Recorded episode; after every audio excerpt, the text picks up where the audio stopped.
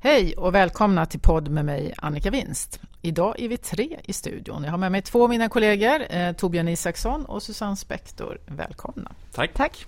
Och skälet att jag har med mig dessa två kloka personer är för att vi ska göra en wrap-up av vad som har hänt i hösten. Eh, vi släppte en konjunkturrapport i slutet av september som vi döpte till lågkonjunktur, eller vi pratade om lågkonjunktur. Sen dess har vi fått en hel del statistik och information och jag tänker att vi ska då titta, djupdyka i den och se har vi fortfarande rätt eller vad är det man behöver korrigera och hur, vad kan man förvänta sig av Riksbanken och finanspolitiken, penningpolitik och finanspolitik? Eh, Riksbanken har ju varit tydlig med att de höjer räntan i eh, december och de har ju till viss del fått vatten på sin kvarn med statistiken. Stöd i inflationssiffrorna, även om de var något lägre än vad Riksbanken hade i sin prognos, men också stöd i arbetskraftsundersökningarna som har reviderats. Om vi börjar med inflationen så kom den ju in något lägre än Riksbankens bedömning i oktober. Men inte så lågt att de inte kan höja i december, eller Tobbe? Nej, den var nog inte tillräckligt eh, låg för att jag ska omkullkasta Riksbankens planer på att höja räntan. Viktigt är också att det ser ut som att Riksbanken höjer räntan och kanske av andra skäl än av, av konjunkturen. Att man vill komma upp från till noll och från negativa räntor. Men vad gäller inflationen då så kommer det en inflationssiffra till innan Riksbankens decembermöte och där tror vi då att inflationen kanske ligger två eller möjligen tre tiondelar under Riksbankens prognos. Så det blir lite... Eh, vad är din prognos? Eh, den, jag ligger på KPFX Energi ligger på 1,7 procent. Medan mm. Riksbanken räknar med att den tickar upp då mot 1,9 procent. Mm. Och, eh, så det blir lite skohorn för Riksbanken, eller ännu mer skohorn än vad, det, eh, än vad Riksbanken kanske har tänkt sig för att höja räntan i december. Mm. Men även om de höjer av andra skäl än av konjunktur och inflation så kan ju inte siffrorna komma in allt för långt ifrån för att de ska klara det, men lite under. Så är det nog. Sen ska Riksbanken pekade ju verkligen med hela handen i oktober, oktoberrapporten på att de ska höja räntan. De har ju sällan varit så tydliga med det. Så att Eh, av flera skäl så blir det svårt för Riksbanken att backa från de planerna. Mm, kommunikativt så blir det svårt att förklara när man har sagt höj så tydligt att inte höja räntan om det inte är så att inflationen kommer in helt annorlunda. Är det någon annan siffra som du ser som är väldigt viktig för eh, Riksbanken? Inflationsförväntningarna till exempel har ju tickat ner. Vi har bara haft en, eh, ett utfall och det är Prosperas månadsundersökningen väger ganska lätt i eh, Riksbankens eh, eh bedömning, eh, vad ska jag säga, vågskålar. Och den var dessutom eh, stabil. Om än liksom finns det en nedåtgående trend i inflationsförväntningarna men, men just den var ju ingen eh, exceptionell avvikelse från vad Riksbanken kan förvänta sig. Mm. När vi lämnar inflationen, är det eh, något där som du är extra orolig för eller kommer att titta noggrant på där det finns en risk uppåt eller neråt? Jag tror att kronan lyfter inflation, eh, den svaga kronan lyfter inflationen nu och lär göra det ett antal månader framöver. Eh, vi kan se lite baseffekter och annat som lyfter att, eh, att den underliggande inflationen kom, stiger lite grann faktiskt efter årsskiftet. Men den stora bilden är ju ändå att det underliggande inflationstrycket är måttligt eller till och med lågt. Och skulle kronan stärkas, vilket jag inte tror, men skulle den göra det, då skulle inflationen kunna bli mycket, mycket låg igen i sent nästa år eller 2021. Mm. Mm. Jag tolkar Riksbanken rätt, så just nu är de inte så bekymrade för kronan, men den kan komma tillbaks då? Som... Ja, kanske nu. Svårt att säga om vi, återigen, jag tror kanske svårt att säga var kronan ska ta vägen, men, men eh, även, en, även om kronan eh, ligger stabil på dagens nivå så kommer inflationen absolut vara en utmaning för Riksbanken kommande år. Mm. Eh, det pågår ju en diskussion och debatt om kronan och vem, vems eh, fel det är att den är så svag som den är. Och, och, vår bedömning är väl att det sista året så har vi haft global eh, osäkerhet och turbulens och risk av som är negativt för en liten öppen ekonomi som Sverige och därmed för växelkursen. Men dessförinnan så var det Riksbanken som försvagade kronan genom att använda den som verktyg för att få upp inflationen. Men Susanne då, om vi lämnar inflationen och istället tittar på arbetsmarknaden eh, så vet jag knappt var jag ska börja. Nej, det har varit må många diskussioner där eh, och vi har en revidering av statistiken som ger Riksbanken stöd för att eh, efter att AKU har kommit ut med nya siffror så ser det inte riktigt lika illa ut som det gjorde innan revideringen. Hur ska vi tolka den här revideringen och hur stämmer den överens med vår prognos från i september? Ja, man har ju fått eh, gå åt alla håll på arbetsmarknaden. Det stämmer ganska bra med vår septemberprognos. Som var, som var att arbetslösheten skulle vara på 7% ungefär vid årsskiftet. Och sysselsättningen? Och sysselsättningen. Alltså det är väldigt svårt eftersom man nu har reviderat om tillbaka till mitten av 2018. Så att vi har ju förmodligen en lite lägre sysselsättning i slutet av det här året än vad det ser ut att bli med de nya siffrorna. Men samtidigt så har man ju en mycket sämre sysselsättningsutveckling under förra året jämfört med vad vi trodde. Så totalt, nivån är lägre. Nivån är lägre, man hade ingen uppgång och sen har vi haft en nedgång. Och det, gör, det som gör att det är svårt är också att siffrorna har blivit osäkrare. AKU består ju nu bara av hälften av urvalet. Vi har ju poddat om det här förut så vi ska inte gå på djupet med det. Men man har bara hälften av observationerna vilket gör att osäkerheten är väldigt stor. Och SCB skrev i sitt pressmeddelande att den enda statistiskt säkerställda skillnaden mot för ett år sedan det är att långtidsarbetslösheten har ökat. I övrigt så kan de inte statistiskt säkerställa att någonting egentligen är annorlunda mot för ett år sedan därför att de här osäkerhetsintervallen blir så stora när man har så få observationer. Så tittar vi på Arbetsförmedlingens statistik på arbetslösheten då stiger den ganska mycket och vi som följer veckostatistiken nu är vi tillbaka till 2011 för att se en lika snabb uppgång av arbetslösheten. Så det är ju någonting som händer på arbetsmarknaden. Men AKU både svårtolkat och osäkert. Men om vi kopplar tillbaka till det här Riksbanken, att man tycks ju vilja höja räntan. Och den här osäkerheten som finns gör ju att man kan göra lite olika tolkningar av hur arbetsmarknaden ser ut. Och för Riksbanken kan man då göra behålla sin ganska positiva tolkning om att arbetsmarknaden är stark och det finns inte så mycket att bekymra sig över. Så de kan ju hålla fast vid den, även om vi fortsatt tror att arbetsmarknaden kommer försämras. Men om det inte är så mycket som är statistiskt säkerställt, eh, kommer man våga hålla den här datan i handen eller kommer man titta på annat? Man kommer nog också titta på annat, titta på Arbetsförmedlingens statistik till exempel. Men den är ju måttlig. Alltså upp, även om uppgången är stor jämfört med historiskt så är uppgången betydligt måttligare än den vi såg i AKU efter sommaren då arbetslösheten steg väldigt, väldigt snabbt. Så man kommer nog kunna säga att man eh, ändå vågar höja räntan trots att arbetslösheten är svagt stigande på Arbetsförmedlingen. För mm. att den, liksom, takten är så pass mycket lägre ändå i det vi ser. Och det är väl en mer rimlig takt också att tro på. Sen lite frågan om vad takten är, för den är ju väldigt hoppig arbetslöshetssiffrorna, de som vi fick som är reviderade. Vi hade en topp som var över 7% i mars och sen hade vi en topp som också var uppe och nosade över 7 i, som, i sommar. Eh, och enligt den här bilden så tycks det ju då mm. som att eh, det var någonstans i våras. Eh, stämmer det med den bild som du har? Som man har... Nej, alltså det jag frågade ju också SCB när jag var hos dem när de hade ett seminarium för alla arbetsmarknadsnördar eh, om man skulle tolka det här som att arbetslösheten toppade i början av året och de trodde nog, deras bild var att det var statistiskt brus, att det hoppar fram och tillbaka. Tittar man på andra kvartalet så var arbetslösheten 7% och det tror vi väl att den kommer bli ungefär tredje kvartalet också, även om månadssiffran nu för oktober var 6,6. Men man ska nog räkna med att det kan hoppa upp mot en procentenhet mellan olika månadsutfall fall. Mm. Utan att det behöver då vara något konstigt. Sen ska man ta in anekdotisk information, jag som reser mycket och det gör ju du också runt i landet och träffar många företag så känns det väldigt märkligt om toppen skulle vara i våras för då upplevde jag att många av företagen faktiskt inte riktigt var medvetna om att arbetsmarknaden skulle försämras medan däremot när jag reser nu i höst och träffar folk så är det allmänt samtalsämne att man ser över kostnaden och därmed också personalen. Jag håller helt med. Och bilden, särskilt i vissa regioner, är verkligen att men, de ser mer varsel, de varslar mer, de funderar på hur länge... Så frågan när man kommer ut är, när vänder det? Uppåt. Det var ju, frågan förut var ju mer, när vänder det nedåt? Ja. Så det är ju någonting som man upplever, absolut.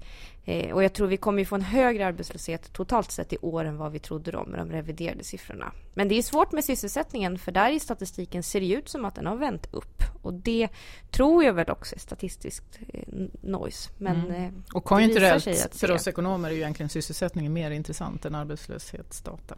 Exakt. Tobbe, Exakt. facit nu då. Konjunkturen. Är det lågkonjunktur vi pratar om fortfarande när vi har fått bättre arbetsmarknadsstatistik än vad vi hade i siffrorna när vi la in det i september? Ja, jag skulle nog säga det att vi om inte annat är på väg snart in i en situation som kan beskrivas som lågkonjunktur. Det som har hänt då sedan september återigen det är AKU då och inte minst då sysselsättningen då, där sysselsättningsgraden enligt de nya siffrorna inte har minskat. Jag vet inte om vi har sagt att AKU är arbetskraftsundersökningar, men det finns kanske någon lyssnare som inte har de här koderna direkt i huvudet. Men vi pratar arbetsmarknadssiffror i alla fall. Precis, och eh, så tillvida så är det ju mindre dramatisk konjunkturnedgång än vad vi trodde i, i september.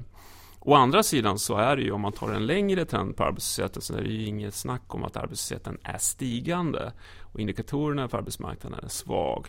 Ser man vad företagen säger i Konjunkturinstitutets barometer och så vidare så är det också en, en ganska jag ska inte säga dyster bild, men det är ändå en, en tydlig försvagning av konjunkturläget. Eh, och eh, till exempel Riksbankens eh, indikator för resursutnyttjandet, RU-indikatorn den är ju i stort sett nere på noll redan tredje kvartalet och, och det är mycket som talar på att den fortsätter ner. Mm. Resursutnyttjande är ett sätt som vi ofta mäter eh, hur konjunkturen är och man brukar prata om gap också, om slutna gap och öppna gap. Och kan du förklara för lyssnarna vad ett, vad ett gap är och vad man tänker på? Och eh, både Riksbanken eh, och också andra myndigheter har ju sagt att vi kommer inte ha negativa gap, alltså gå in i, i lågkonjunktur medan vi har haft det i vår bedömning och, och, fortfarande har då. Nu har vi inte räknat igenom precis alla siffror enligt... Eh, men vad betyder ett gap för det första? Ja, nej men det är helt enkelt eh, resursutnyttjandet.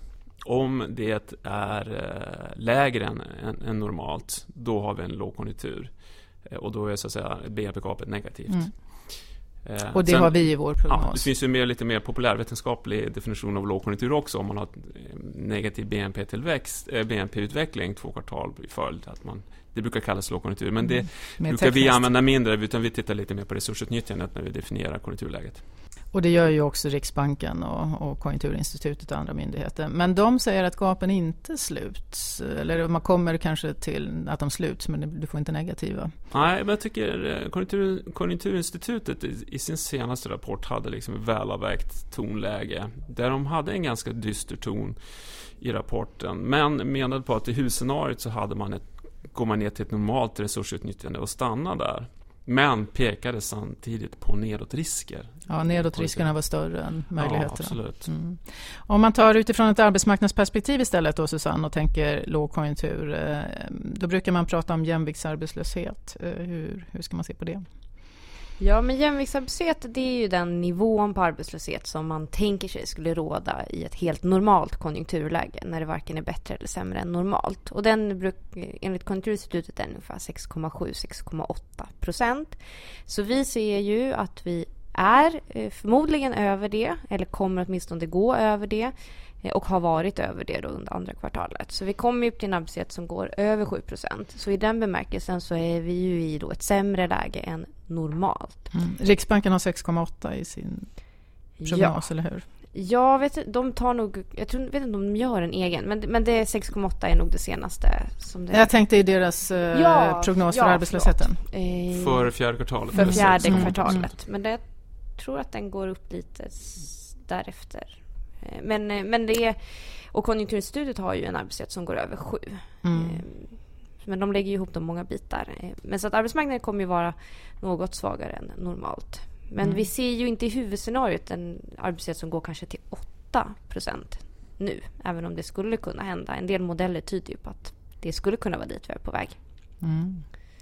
Ja, och då blir det helt plötsligt eh, vad som händer i omvärlden som får eh, betydelse. Hur eh, global ekonomi utvecklas. Och där har ju faktiskt riskviljan kommit tillbaka lite grann på grund av att man inte är lika bekymrad för geopolitiska risker. De kan ju förstås poppa upp igen. De är ju inte lösta på något sätt. Men man är också lite mer optimistisk om global konjunktur. Men samtidigt så ser vi nu att exporten dämpas och den har ju tidigare faktiskt varit en positiv faktor och överraskat och gått lite bättre än vad vi hade trott. Det har inte varit någon klang och jubelföreställning på exportsidan men den har varit bättre än väntat, ja. Men precis som du säger, alla indikatorer på exporten pekar ju åt fel håll nu. Eh, så att det är mycket som tyder på att exporten kommer att eh, faktiskt, i alla fall exporten av varor kommer att minska framöver. Exporten är inte riktigt hälften av BNP idag men eh, hur, mycket tror du att den växer mellan tummen och pekfingret? Nej, den kommer ju att minska det blir från kvartal till kvartal siffror. och vi kommer kanske också mycket svag, om man säger helåret 2020, mm. nära noll mm. på export av varor. Export av tjänster är mer volatil och lite svårare och vi har färre indikatorer där. Den kan möjligen se lite bättre ut. Den har gått lite bättre Det har den absolut gjort. År. Eh, men eh, eh, överlag så kommer nog exporten att tappa i betydelse som det kommer ju absolut inte vara någon drivkraft eh, närmsta halvåret i alla fall. Nej, inte den stöd som det har varit. Då. Hushållen å andra sidan, de har vi varit bekymrade över och de har varit bekymrade själva, hållit, eh, hållit igen i, med spenderbyxorna. Men det tycks som det ser lite bättre ut nu. Det gör ju det och eh, det hänger nog samman skulle jag säga med att eh, Bostadsmarknaden har ju också börjat repa sig och det brukar ju ofta gilla hushållen. Då blir hushållen på bättre humör och eh, slappnar av och eh, lättar lite på plånböckerna. Och det är ungefär det som tycks ha hänt också. Mm. Sen, det är annat, eh, börsen har också gått bra då, i år. Eh, även om det har varit en väldigt hoppig resa.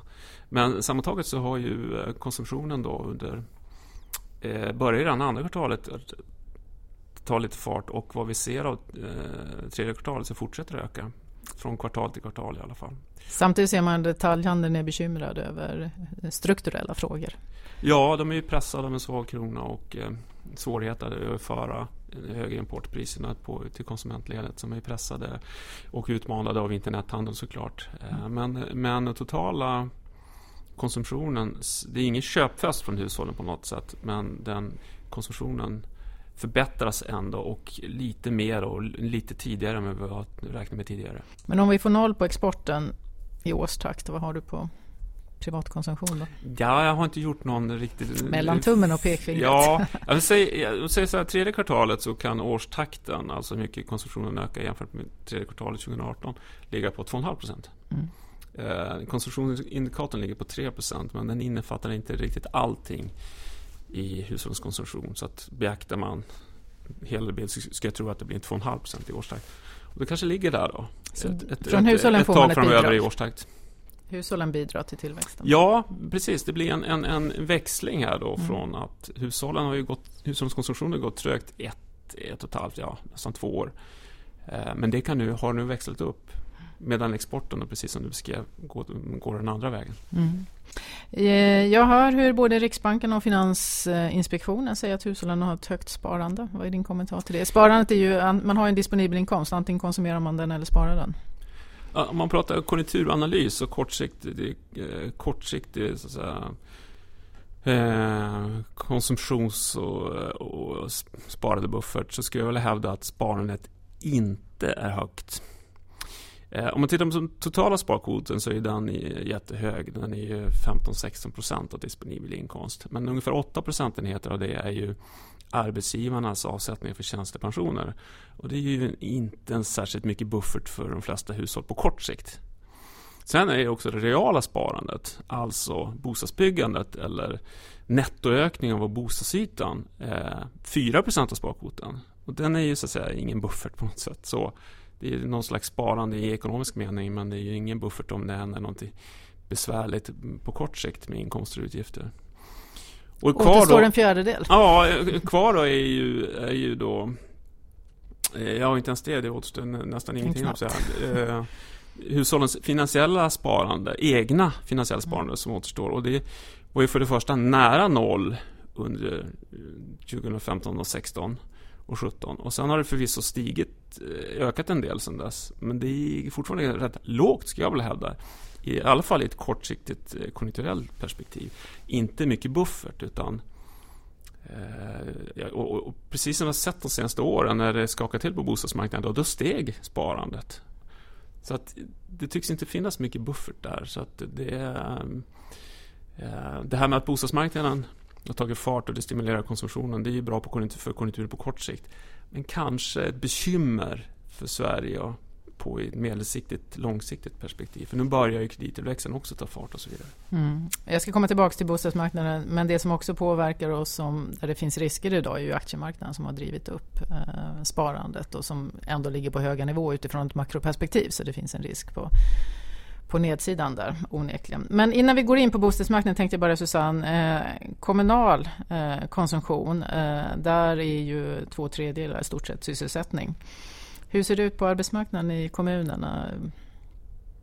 Men det ser ju, ehm, ser ju ut ungefär som på arbetsmarknaden i stort. Alltså det har, sysselsättningen gått sidledes i offentlig sektor eh, eller då, de offentligt finansierade verksamheterna ska vi säga.